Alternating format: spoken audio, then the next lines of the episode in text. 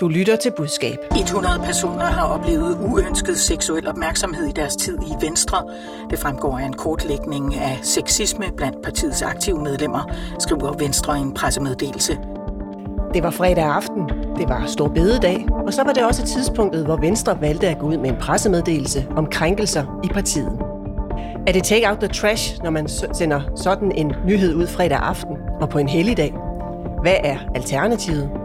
Og hvor offensiv skal man være i sin kommunikation, når det handler om dårlige sager?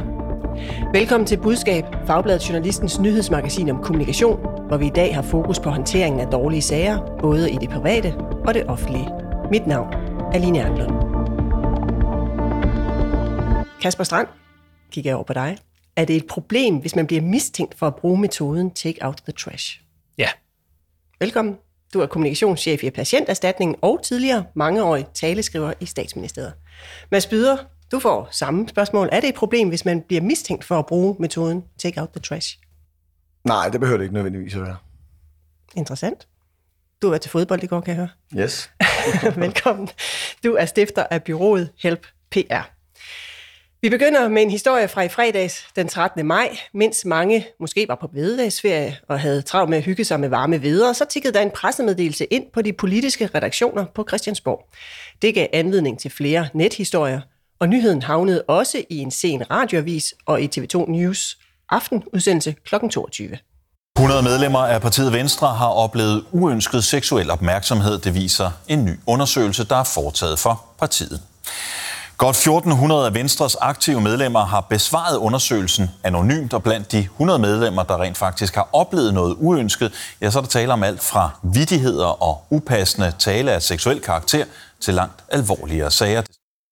Ja, hvis jeg lige skal opsummere, 100 personer har altså svaret i den her anonyme spørgeundersøgelse øh, internt i Venstre, at de over årene har oplevet uønsket seksuel opmærksomhed. En til to sager har alvorlig karakter. Pressemeddelelsen blev sendt ud til de politiske redaktioner. Ritzau fik den, og BT fik den så et par timer før andre medier. Kasper Strand, på Twitter der blev der jo ret hurtigt spekuleret i, der var nogen, der skrev, kunne det have været take out the trash? Hvad tænker du, eller hvad tænkte du fredag? Jamen, jeg hørte dårligt nyheden. Jeg læste kun lige overskriften, så øh, jeg øh, tænkte øh, først bagefter, at det, det var faktisk ikke særlig meget. Den øh, blev omtalt, den nyhed. I hvert fald ikke nok til, at jeg for alvor så den. Men fik du så mistanke, eller har du mistanke om, om timingen gør, at man lagde den ud bevidst på den her bededags? Ja, jeg tænker dag. ikke, at det er tilfældigt, at man lægger den ud øh, en stor bededag.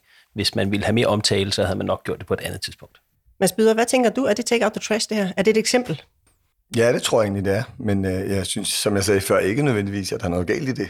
Nej. Det er jo en taktik, et, øh, et, et PR-værktøj, som øh, jeg bruger, vi bruger, øh, og det kan også være, det det Venstre har brugt. Det kan vi jo spørge om. Ja, det kan vi jo spørge om lige om lidt, men, men, men, men øh, sidder du med en mistanke om, at det er take out the trash? Ja eller nej? Ja, men nu siger du en, en mistanke, så bliver det jo så negativt lavet. Altså, jeg, jeg er helt sikker på, at den her nyhed, at det ikke er tilfældigt, at den er gået ud øh, Stor Bødedags fredag om aftenen, og der desuden står, at øh, hvis man så vil have en kommentar, skal man vente til på mandag. Det er super godt øh, spin for at prøve at styre sin nyhed så godt, som man nu kan. Og jeg, jeg læste den på DR.dk og sad med alle ungerne og holdt øh, fridag, og Altså, jeg tænkte ikke mere over det. Og, øh, og jeg kan også se, at den er blevet taget en til en på Danmarks største nyhedssite, øh, DR.dk, øh, med det pressemeddelelsen er sendt på. Så de lykkedes rigtig godt. Ja, jeg sidder med pressemeddelelsen her. Den er faktisk sådan øh, lidt længere. Den er halvanden side i alt. Og overskriften der hedder, 100 medlemmer af Venstre har oplevet uønsket seksuel opmærksomhed. Lad os spørge Venstre, hvad sagen er, hvad der er op og ned. Velkommen til dig, Christian Hyttemeier. Du er partisekretær i Venstre. Du er med på en telefon. Det er korrekt. Velkommen. Og tak, fordi jeg må være med. Jamen, uh, tak fordi du vil. Uh, lad mig bare starte med at spørge dig, er det take out the trash, det her? Øh, jamen, øh, nej, det er det ikke, fordi der er sådan set ikke trash i undersøgelsen, fordi undersøgelsen er øh, sådan fuldstændig, som man har set de andre organisationer. Øh, men jeg vidste jo godt, vi vidste jo godt, at så snart det her det vil ramme med den opmærksomhed, som MeToo og alt det har fået, så uanset hvad der har stået i den rapport, så vil det ende med, med nogle, nogle meget sensationsdrevne øh, overskrifter. Øh, og derfor har vi selvfølgelig, altså alting handler jo om timing, det gør det også i det her tilfælde, men, men, øh, men jeg anerkender bare ikke øh, præmissen om det trash, andet end at vi vidste, at medierne ville gøre det til trash, uanset hvor positivt det var. Så derfor så skulle vi selvfølgelig finde et tidspunkt, som var, var mest egnet. Ja, og det blev så bededag. Og det kan jeg så bare øh, oplyse her. Det var faktisk ikke meningen. Øh, og det forklarer jeg gerne, hvis det skulle have en interesse. Ja, det, ja det, det kan vi vende tilbage til. Jeg vil bare gerne vide først, du siger så, at du ikke køber det her take out the trash, fordi det ikke er trash. Men anerkender du en præmis om, at de bevidst går ud og står bededag, fordi I ved, det får mindre omtale? Selvfølgelig. Altså, vi kunne da ikke drømme om at gå ud med nyheder. Ja, nu skal jeg nok forklare, at det blev bededag, fordi det er altså lidt mere tilfældigt end som så. Men selvfølgelig anerkender jeg det. Vi vil godt nok være meget, meget uprofessionelle, hvis vi ikke tænkte over timing i vores kommunikation, da det jo stort set betyder alting. Nu er det jo så sådan, at vi sådan set hellere vil snakke om, hvad det er, Venstre gerne vil med Danmark, end vi vil snakke om, hvad der foregår i det, vores øh, interne butik. Så ved vi, at der har været kæmpe offentlig opmærksomhed omkring det her, både i alle politiske partier og i mediehuse og på kulturinstitutioner og alt muligt andet. Så derfor øh, skulle vi selvfølgelig også fortælle om, at der var øh, resultaterne af vores øh, undersøgelse. Og det havde vi selvfølgelig et klart ønske om at fortælle øh, så meget med vores egne ord, end med alle mulige, der fortolker det i en sensationel retning. Men er du så tilfreds med den mediedækning, I har fået, hvis det var strategien var at få mindst mulig omtale? Øh, jeg ved faktisk ikke, om målet var at få mindst mulig øh, omtale. Hvad var det, så målet? det er faktisk ikke. Jamen, men målet var jo at gøre opmærksom på, at her øh, vi har gjort det, øh, som man med rimelighed kunne forvente af os, men også på en måde, hvor det ikke blev øh, overdrevet, hvad det var, øh, der var sket. Fordi langt de fleste af de 100 sager handler jo om øh, ja, mænd, der har levet i en tid, hvor de er kommet med platte, øh, nedsættende kommentarer, øh, fordi sådan gjorde man, og det er jo selvfølgelig ikke i orden. Og vi har ønsket at gøre noget ved det her, og det vil vi selvfølgelig også gerne fortælle om, at det gør vi. Overfor det stod det, vi var nødt til at vide, at overskrifterne øh, jo har det med at blive strammet, og det ved du jo, Line, jeg er jo selv journalist, øh, og jeg kender godt øh, tricksene i bogen, og har sikkert også øh, mine strammede overskrifter på CV'et.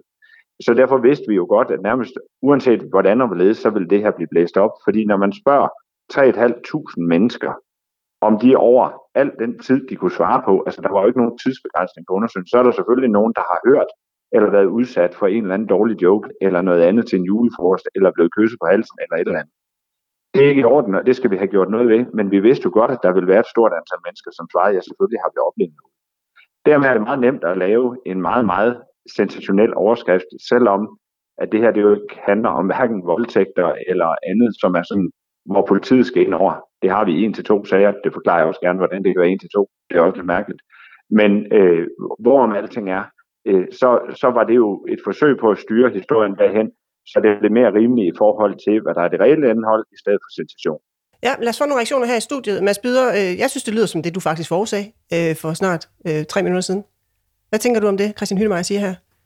Jamen, jeg synes, det lyder meget øh, fair and square. Altså, øh, jeg, jeg tror øh, ikke, det er helt tilfældigt, at der kan være en eller anden teknisk historie over, at nu skulle det først sendes, og så blev det fredag. Men timing er et og alt, og det viser den her historie fint. Og man har siddet i det taktiske rum, selvfølgelig har man det, og det skal Venstre da også, og vurderet, hvad gør vi her, hvornår sender vi det ud, og på hvilken måde. Der er en masse medier, de ikke har sendt det her til. Og øh, det her værktøj, det bruger jeg hver eneste dag med øh, store private virksomheder, hvor man sidder og siger, hvornår skal vi sende det ud, hvem skal vi sende til, hvad ønsker vi få at omtale, og hvor godt kan vi styre det.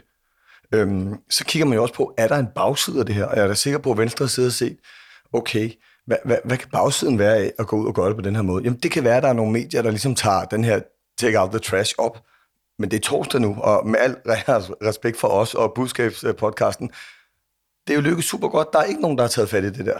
Og, og mandagen til men Sverige og NATO, den, altså, den var ude med de overskrifter, de selv lavede og sendte til nogen på medierne, der tog den en til. Og det handler også om, at når du sender en fredag eftermiddag, det, journalister er mennesker, som jeg siger på mit bureau, fuldstændig som os. De skal have børn, de har travlt, de skal have maden i orden og alt muligt andet.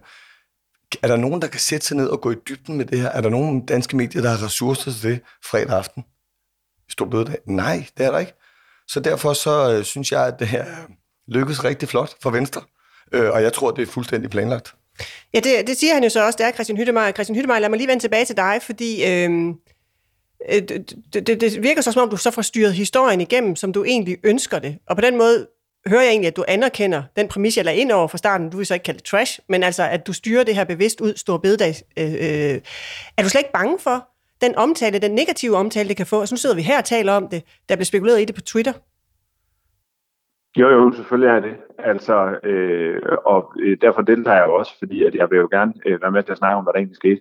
Men lad mig, bare lige, lad mig bare lige sige det der med timing. Egentlig var det meningen, det skulle have været ude dagen før bededag.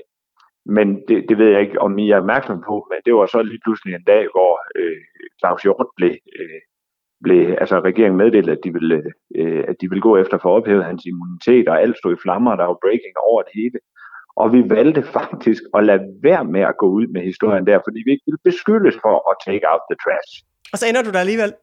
Fordi du så vælger en heldig dag. jeg kan i hvert fald garantere dig for, at jeg havde haft, altså så havde jeg i hvert fald fået skyld for det, hvis jeg havde gjort det oven i det. Øh, altså, jeg, altså, vi kender jo godt historien alle sammen fra 2001 om, at uh, it's a good day uh, to present bad news, og det koster så en spindoktor i England sit, sit job der i forbindelse med 9-11. Og, og det ville vi ikke. Vi ville simpelthen ikke have skudt det der i skoene. Og så blev det så ved i, i stedet for, fordi selvfølgelig skulle vi have det ud. Uh, så kan man sige, at det er uansvarligt i forhold til en debat om MeToo og alt muligt andet. Øh, det ved jeg ikke. Øh, vi arbejder i den grad med at ændre kulturen i Venstre, fordi selvfølgelig skal det være et godt og trygt sted at være. Derfor har vi lavet undersøgelsen. Derfor har vi brugt uendelig mængder af tid på at snakke om det øh, med vores hovedbestyrelse og forretningsudvalg og folketingsgruppe og, og alle andre, der er frivillige. Men vil det ikke, i, i, set i det lys, være mere reelt at gå ud med den om mandagen, hvor folk ligesom er tilbage fra ferie og følger med i nyhedsstrømmen og kan deltage i en debat også om krænkelser i Venstre? Det ved jeg ikke. Vi ved, altså, vores opgave, min opgave er jo at få øh, fortalt befolkningen, hvad Venstre vil gøre øh, ved øh, Danmark i fremtiden øh, og for Danmark i fremtiden det er selvfølgelig det, vi vil helst have mest fokus på, øh, hvordan vi er med hinanden øh, internt i partiet, og hvad vi skal have gjort for det. Det fortæller vi gerne om, men det er jo ikke det, vi ønsker, der skal være allermest fokus på. Vi vil hellere snakke om, hvad vi vil politisk. Christian Hyttemeier, du skal lige prøve at høre et nedlæg, fordi øh, altså, historien fik jo lidt omtale der fredag aften, også på TV2 News. Øh, du skal prøve at høre nedlægget fra Ask Rostrup, der var vært på TV2 News den aften. Og det er altså partiet Venstre selv, der har valgt at offentliggøre resultaterne af denne her undersøgelse her, står bededags aften. Men partisekretæren vil først tidligst mandag stille op til uddybende kommentarer. Ja, Christian Hyttemeier, han kommenterer altså direkte på, at I går ud med nyheden en fredag aften på en helligdag, og at du så ikke vil stille op til uddybende kommentarer før tidligst om mandagen. Hvis det er så vigtig en sag for Venstre, øh, hvorfor stiller du så ikke op? Ja, altså øh, nu er øh, den helt, øh, hvad hedder det, øh, lavpraktiske forklaring, at jeg var til børnefødselsdag, hvilket jeg også øh, meddelte TV2 News, øh, og sagde til dem, at... Men jeg tænker, børnene er gået seng kl. 22? ja, ja, men der sad jeg langt, langt ude på Sjælland, men det skal nu ikke, øh, det skal ikke skille os ad. Altså det, jeg sagde til dem, det var, at hvis det var enormt vigtigt for dem, så kunne vi jo snakke om det mandag. Øh, og så bort til hans svar, jo, men vi kunne ellers godt få fyldt, øh, bruge noget hjælp til at få fyldt fladen ud her på bededag.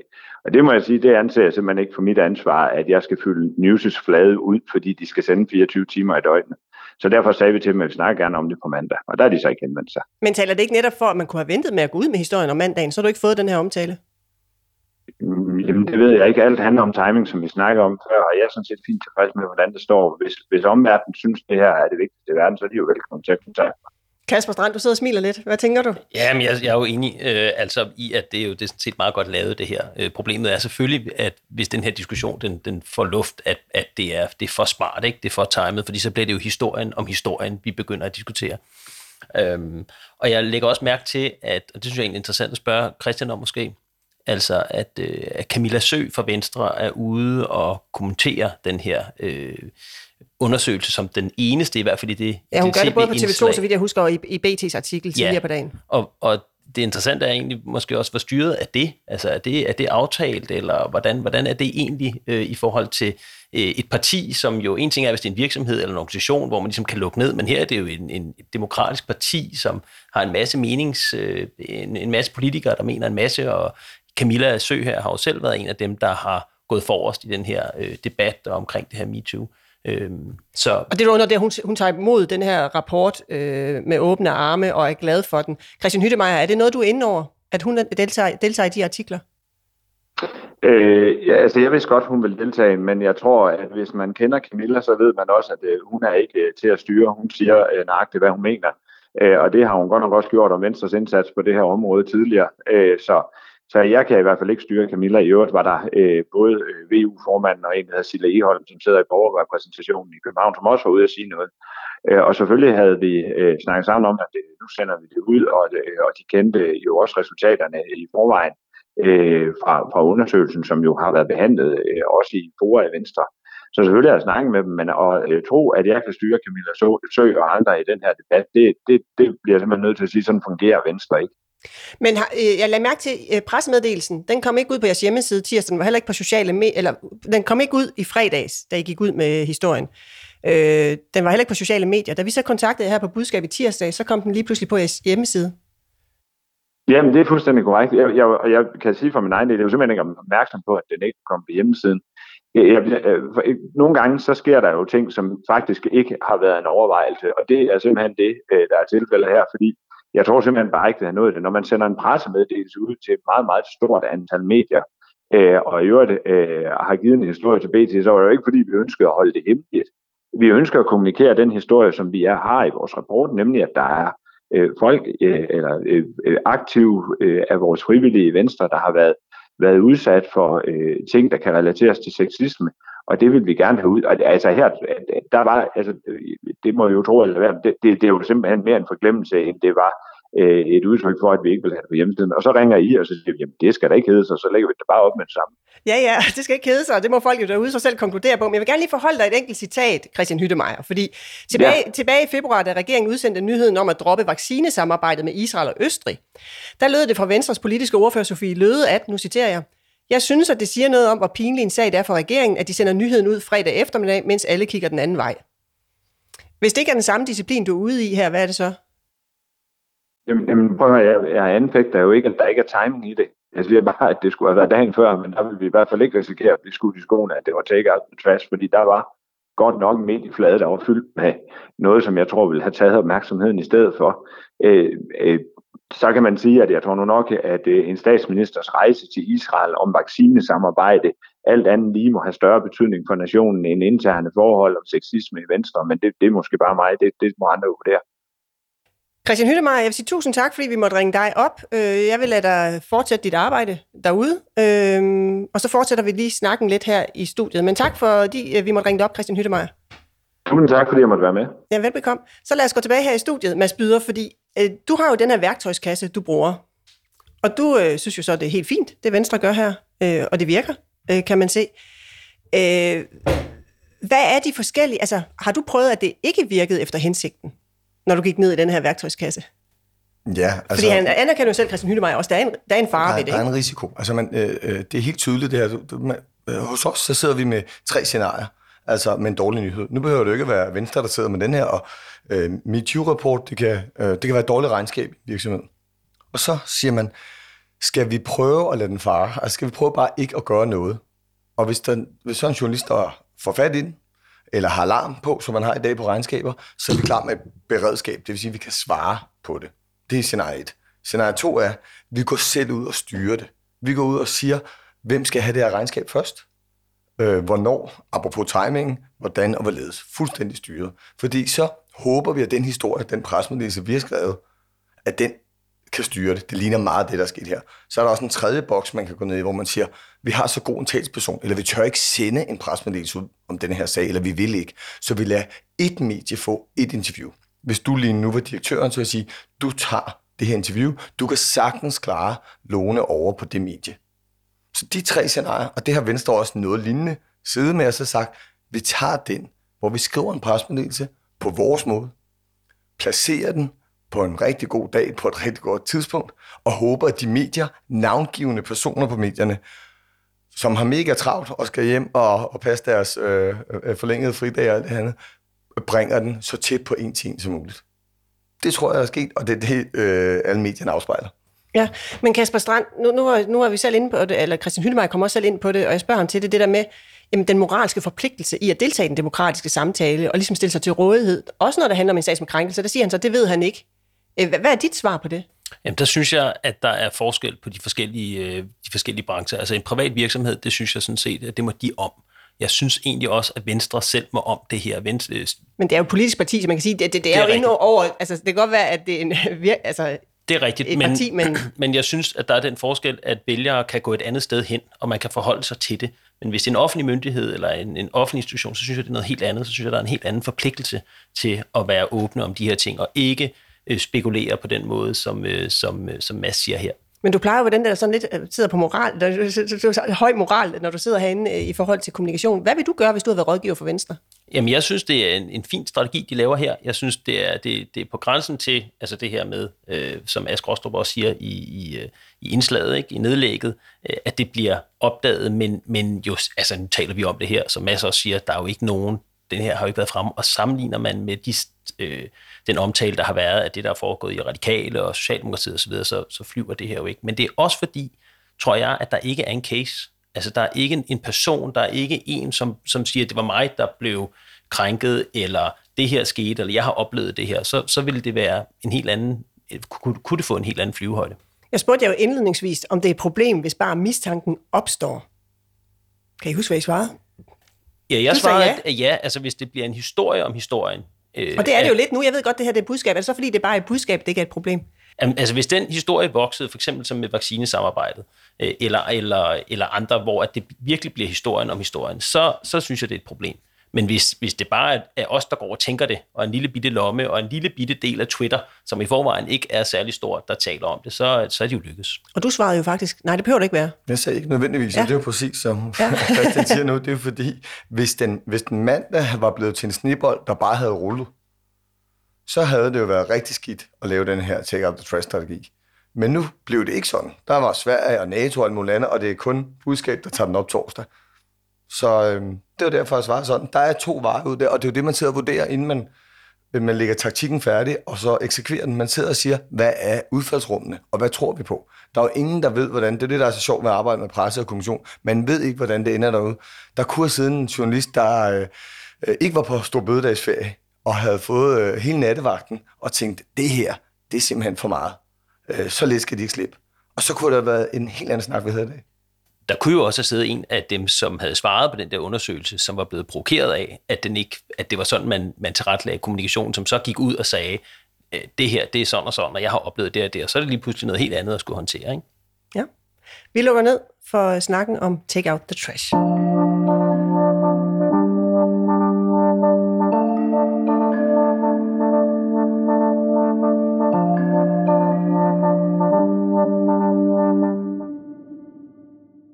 Mads videre, Kasper Strand. Nu skal det handle om etik i kommunikation, men først så har jeg et spørgsmål til jer. Skal kommunikationsfolk i det offentlige bedrive PR, eller skal de bedrive folkeoplysning? Kasper Strand. De skal først og fremmest bedrive folkeoplysning. Mads Byder? De skal bedrive folkeoplysning og lære af PR. Okay, det må vi følge op på, hvad det betyder. Men når jeg spørger, så er det fordi, vi lige om lidt skal ringe op til en herre, der vil lave en NGO for offentlige myndigheders kommunikation. Han hedder Thomas Dybro Lundorf. Øhm, jeg tror faktisk, vi har ringet op nu. Thomas øh, Dybro Lundorf, velkommen. Tak skal du have. Velkommen til Budskab. Du er tidligere kommunikationschef i Lægemiddelstyrelsen, og før det, det før det var du øh, kommunikationschef i Beredskabsstyrelsen, så i alt har du været mm. 17 år i centraladministrationen. Mm. Du vil nu starte en ny NGO, der skal hedde Pro Publica. Ja. Hvad er det, du har selv har oplevet i det offentlige, når det kommer til kommunikation, siden du synes, det er nødvendigt med en NGO? Jamen, øh, det er, at øh, overordnet kommunikation fra myndighederne er jo en vigtig del af, af den offentlige samtale i vores demokrati. Og det er sådan set den helt overordnede grund. Og øhm, jeg synes, at det er vigtigt også at understrege, at der er rigtig mange eksempler på, at kommunikation fra myndighederne er med til at understøtte, at vi har en oplyst debat om de vigtige ting i samfundet. Det er sådan set reglen øh, mere end undtagelsen. Men der er jo nogle eksempler, øh, og man kunne tage en, som er berømt berygtet, den her med pressemeddelelsen om adskillelsen af asylpar i regi af rigsretssagen, jeg tror det var i, i 2016. Altså Inger Støjberg, det der sådan set, den har kostet Ja, Inger Støjberg-sagen, ja. præcis. Ikke? Og den handlede om, at Støjberg, øh, eller integrationsministeriet, udlænding og integrationsministeriet udsendte en pressemeddelelse, hvor det fremgik, at øh, der ville blive sat en stopper for, at mindreårige kunne bo øh, sammen med en ægtefælle på, på asylcentrene, og det blev så ikke nævnt, selvom der var diskussioner internt i ministeriet om, eller at, at der kunne være undtagelser fordi at øh, hver sag skulle behandles øh, individuelt. Altså man pyntede lidt kan, på pressemeddelelsen? Altså man kan i hvert fald stille sig selv det spørgsmål, om den pressemeddelelse, udover den klare politiske holdning, som jo er altså, øh, ikke alene legitim, men nødvendig i et folkestyre, men om den gav et retvisende billede til borgerne af situationen. Altså blev borgerne godt hjulpet til at danse deres egen øh, holdning på et øh, tilstrækkeligt informeret grundlag. Ja, øh, men så vidt uh, Inger Støjberg-sagen, for jeg, jeg ved også, at uh, du selv har haft en oplevelse med en afdelingschef, øh, der, der ja. ønskede noget bestemt. Ja, og man kan sige, det, det er et eksempel, men det, det er et eksempel, jeg har haft, eller en oplevelse, jeg har haft, men det er så ikke det, det eneste, kan man sige. Men øh, det drejede sig om, at, at øh, der skulle laves en, en kommunikationspolitik på et øh, større område, et større myndighedsområde, og, øh, og der var linjen ligesom fra øh, den her afdelingschef, at vi skulle blive bedre, meget bedre til at fortælle de gode historier om, øh, om den her pågældende myndighed. Og der er ingen tvivl om, at det er fint med employer branding, som det hedder. Øh, også i det offentlige. Det er fint, at man ikke alene er professionel, men også fremstår professionelt. Men, øh, men det skal helst ikke være det, det væsentligste i en kommunikationspolitik. Der kunne jeg godt tænke mig, at det i stedet for var det her med, at man er en del af demokrati, man spiller en vigtig rolle i demokrati, at man er med til at, at understøtte en oplyst debat, øh, selvfølgelig med, med legitime politiske øh, holdninger øh, i os. Men har du oplevet, at man decideret holder dårlige historier tilbage i det offentlige? Ej, altså det er jo sådan som embedsmand, at øh, man skal aldrig lyve, men man behøver ikke fortælle hele sandheden. Øh, så nej, jeg har aldrig været ude for, at, at man har tilbageholdt, øh, altså at man har løjet på den måde. Det har jeg ikke. Nej, men lad os prøve at gå i studiet her, fordi øh, Kasper Strand er jo med, han sidder i patienterstatning, og han har også en, øh, en fortid i, i forskellige steder i, i det offentlige. Kasper Strand, kan du genkende det billede af, at man måske prioriterer de gode historier øh, frem for folkeoplysning, og måske også sådan, øh, skal vi bare kalde det dårlige historier? Jamen, jeg synes, der, der er to dele her. Øh, jeg synes, Thomas er inde på noget ret væsentligt. Jeg synes, det, det, det er faktisk et ret spændende initiativ. Øhm, men jeg synes, der er to elementer her. Der er der er den kommunikation og presse, som foregår tæt på ministeren, hvor det er en presse medarbejder eller rådgiver, som sidder helt tæt på, og hvor det politiske, den politiske proces, der bliver kommunikationen en del af det. Der skal man indholde sig inden for reglerne og så videre. Der, der er jo bestemmelser for, hvad, hvad man må og hvad man ikke må, som Thomas også er inde på. Øh, det er ligesom en del. Den anden del, den, hvor jeg synes, det faktisk bliver spændende, det er nede på, hvad skal man sige, styrelsesniveau, hvor det ikke er, det ikke er oppe i det politiske system som sådan, men det, det er på et organisationsniveau. Og, og der synes jeg, han har fat i noget, hvor der er, i hvert fald i min, min fornemmelse og min erfaring gennem årene, er sket lidt et skred fra, at man, øh, eller imod, at man øh, er mere opmærksom på, hvordan organisationen står, hvordan styrelsen står, øh, institutionen står i medierne, hvordan man positionerer sig, hvad kendskabet er til den, øh, de gode historier osv., og det synes jeg faktisk er den interessante diskussion, fordi det er dernede folkeoplysning i høj grad, synes jeg, bliver relevant. Øhm, så, så, så der synes jeg faktisk, Thomas han er færdig med. Thomas, inden, inden vi sender dig videre på en god dag, der vil jeg bare lige høre, hvad er det, din NGO skal gøre i, i forhold til det der styrelsesniveau, som Kasper også taler om her? Jamen, øh, altså jeg vil tillade mig at være en lille smule uenig med Kasper her, fordi at øh, okay. det her det er, en, det er sådan set en, en NGO, der skal være med til også at, at øh, styrke tilliden til øh, folkestyret som sådan, det vil sige inklusive det politiske niveau. Øh, så det er sådan set det, der er formålet, at, at øh, understøtte, at vi har en oplyst debat i samfundet om de vigtige ting, og øge tilliden til det politiske niveau øh, altså, og til folkestyret. Vi kan se den ene måling efter den anden, at, øh, at øh, troværdigheden til folketingspolitikere og til politikere, at den skraber bunden. Og det skal det her projekt også være med til at, at hjælpe med, eller hvad hedder det, at rette op på.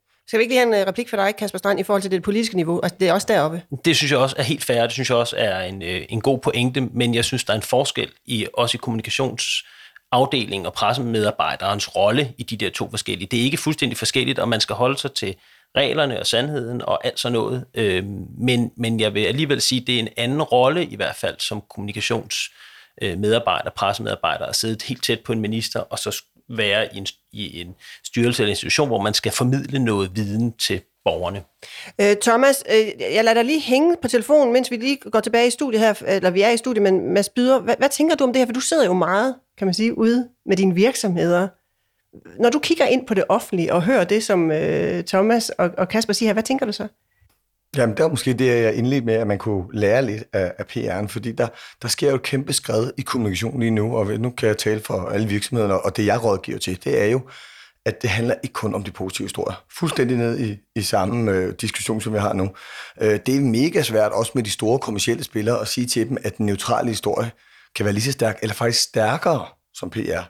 Og at den dårlige historie også en gang, skal, øh, en gang imellem skal frem i lyset. Det, for 10 år siden eller 5 år siden, vil du aldrig kunne få nogle topchefer til nu. Og, og jeg vil sige, det er måske også kun 5% af mine kunder, hvor vi lykkes med det. Men, men, men vi lykkes med det, fordi vi siger til dem, ja, det her det var en, en skævert. Gå ud og forklar det. Gå ud og forklar, hvad der gik galt. Og så det der, hvor vi skal være dygtige, så siger men efter I forklarer dig, efter journalisten har nikket til, det gik altså så galt, så siger I så, her er vores plan for next. Altså viser handlekraft, og det kan vi jo se, det er jo sådan, forbrugerne, læserne, seerne afkoder både politikere og virksomheder i dag. Vi vil have det autentiske, vi vil have det, øh, det rigtige svar, vi vil be real, hedder det vel, hvis man også er på sociale medier. Det banker ind over PR-processen lige nu, som jeg ser det. Så, så jeg synes jo, at der er en sjov diskussion her, fordi øh, jeg mener jo, at de offentlige, de skal lære af, og måske noget af det, som man vil med det her initiativ, at jeg går ud og tale de neutrale og de dårlige historier også i langt højere grad, og ikke putte med det, for det er faktisk god PR på lang sigt. Øh, Thomas, øh, hvad, hvad tænker du om de input, du får her i det videre arbejde? Jamen, jeg tænker sådan set øh, med, med al mulig respekt, at øh, det projekt, som jeg gerne vil lave, handler simpelthen om et paradigmeskift, fordi jeg synes, at der i alt, alt for lang tid slet ikke har været nogen offentlig kommunikationsfaglighed. Og det er det her også et eksempel på. PR, øh, ja, det er, det er super relevant, og der er nogle øh, metoder, nogle værktøjer, man godt kan lære af. Men det projekt, som jeg øh, gerne vil have fat i, det er at understøtte, at der kommer en særskilt offentlig kommunikationsfaglighed, som retter sig mod folkestyre, og som ikke handler om at sælge, øh, sælge et produkt. Jeg ved godt, der er nogen, der vil sige, at det handler om at sælge et politisk budskab for en minister, men, men der, der, der er det, det, det er præcis det, der er min pointe, at hvis det skal være noget, som bidrager til en større troværdighed for det politiske system, så skal man som borger have en fornemmelse af, at der ikke er nogen, der prøver at prænge noget ind på, men det sådan set er en legitim politisk overbevisning, man har. Og så sidder Mads Byder her og siger præcis. Og så vil jeg bare sige, kan, kan du komme med et konkret eksempel? Altså, hvis du skulle søsætte et initiativ, hvis vi skulle prøve at gøre det sådan lidt mere konkret, hands-on i forhold til ens hverdag? Jamen, kig til Frankrig, der har øh, Macron øh, for et år siden, lavet han noget, der hedder Le Grand Debat, undskyld mit franske. Øh, men, men det handlede om, at, øh, at øh, det offentlige system faciliterede en, en debat, hvor der var 10.000 af mennesker til stede om de vigtige ting i livet. Altså, hvor det ikke er Øh, demokratiske debatter, som vi måske i højere grad har herhjemme om øh, du ved, forældrebestyrelsen i skolen, øh, med al respekt for det, over idrætsforeningen. Men man sagde, lad os sætte os sammen og diskutere de væsentlige ting, ikke? altså fred, øh, sikkerhedspolitik, øh, sundhed, øh, hvordan vi behandler de ældre osv. osv. Altså gøre de væsentlige ting til en del af den demokratiske debat. Det er et, et, et eksempel, som jeg synes var ret godt. Thomas øh, Dybro Lundorf, øh, jeg vil sige tak for dit input øh, her i studiet. Og så lad os bare lige runde, runde af her, fordi for mig lyder det lidt højt ravende, og jeg, jeg har svært ved at se, hvis man sidder derude som kommunikationsmedarbejder i en eller anden styrelse, hvad er det så lige, man skal tænke om det her? Har du sådan et eller andet, Kasper Strand, sådan en motto, eller et eller andet i dit arbejde i det offentlige, øh, som, som, som andre kan lære af? Ja, jeg ved ikke, om de kan lære af det, men det, jeg i hvert fald er optaget af, det er, at vi spørger os selv hele tiden, hvorfor er det, vi er her? Hvad er det, vi er her for? Og, og det er, ald, vi er her aldrig selv for den institution eller organisation eller styrelse, vi sidder i. Vi er her for nogle borgere derude, der forventer, og nogle medier, og nogle offentlighed, der forventer, og politikere for den sags skyld også, som forventer nogle ydelser af os. Og det skal vi give. Øh, og det er det, der er vores, vores opgave. Og der tror jeg nogle gange, at at øh, det er der, man skal være opmærksom. Altså for hvis man begynder at tænke, at opgaven her er at beskytte min organisation, eller sørge for, at den her styrelse fremstår bedst muligt, så kan der komme et skred. Øh, så for mig er det meget det der med hvad, at holde fast i, hvad er det nu, der er vores kerneopgave. Og så tænker jeg, Mads Byder, er det ikke meget naturligt, at man sådan prøver at dyrke de gode historier og den gode fortælling, og man vil gerne være stolt af, at man kommer ud med noget ordentligt, og det er måske også det, man bliver målt på som medarbejder? Jo, det er jo helt øh, naturligt, og det er jo derfor, nu sagde han et paradigmeskifte, det er der også i gang inden for kommunikation. Og den dygtige øh, kommunikatør om 3, 5, seks år, er jeg 100% sikker på, at det er en, der kan få sin, og det er ligegyldigt om den folkevalgt eller en virksomhedsleder eller andet, kan få dem til at fremstå mere autentisk, mere be real. øh, altså, øh, du ser historierne, både de positive, de neutrale og de negative. Og det er et lige så stort skifte, som det han taler om. Noget af det, jeg synes kunne være rigtig spændende, der kunne komme ud af det her og hele den her diskussion, det er også evnen til at kommunikere nuancer.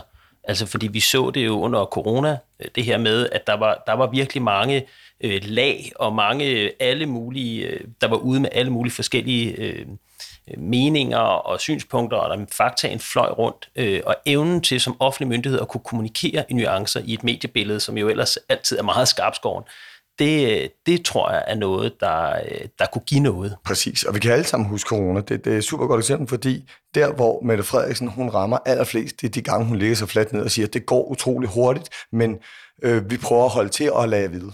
Det er fuldstændig det, vi taler om, i stedet for at have prøvet at paketere det i et eller andet glansbillede. Og det samme synes jeg, man kan se om, de, om øh, Søren Brostrøm og andre, der er ude, hvor de står i en svær de, de står i en svær position, for de skal kommunikere noget meget komplekst, og de skal også kommunikere nogle komplekse regler og nogle svære valg. Men evnen til der at forklare, hvorfor er det, vi gør, som vi gør, og der er nuancer i det her, og den det, er vigtig. Det er jo sådan en historisk verdenssituation, det er situation her, det er fantastisk. ligesom 9-11. Men dygtige kommunikatører, de skal tage det der helt ned på hverdag, så skal de sige, der er corona i min virksomhed i dag, eller i min organisation. Hvordan kan jeg gøre det samme?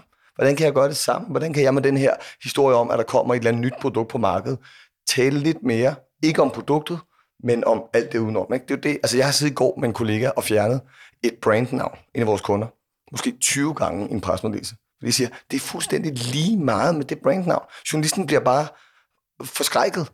Det er historien. Der kunne lige så godt have stået, du ved, øh, det her øh, brand i stedet for det her i pressemeddelelsen. Det er historien, man tager. Det er ikke brandet. Så det der med at, at fjerne, at man hele tiden skal vælge glansbilleder glansbillede og den gode historie, det er, og det er på vej, det der i fremtiden bliver den gode PR.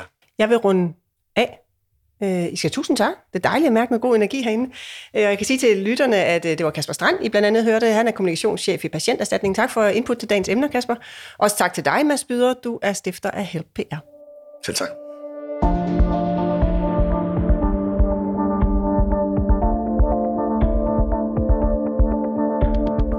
Du lyttede til Budskab, der er skabt af Fagbladet Journalisten. Redaktør er Marie Nyhus. Rakkerpark Productions står for lyd og teknik. Og i dagens afsnit har du hørt klip fra DR og TV2 News. Du kan abonnere på vores podcast. Giv den meget gerne en anmeldelse på din vej. Mit navn er Line Arnlund. Og husk, ord er ikke bare ord. Tilsammen udgør de dit budskab.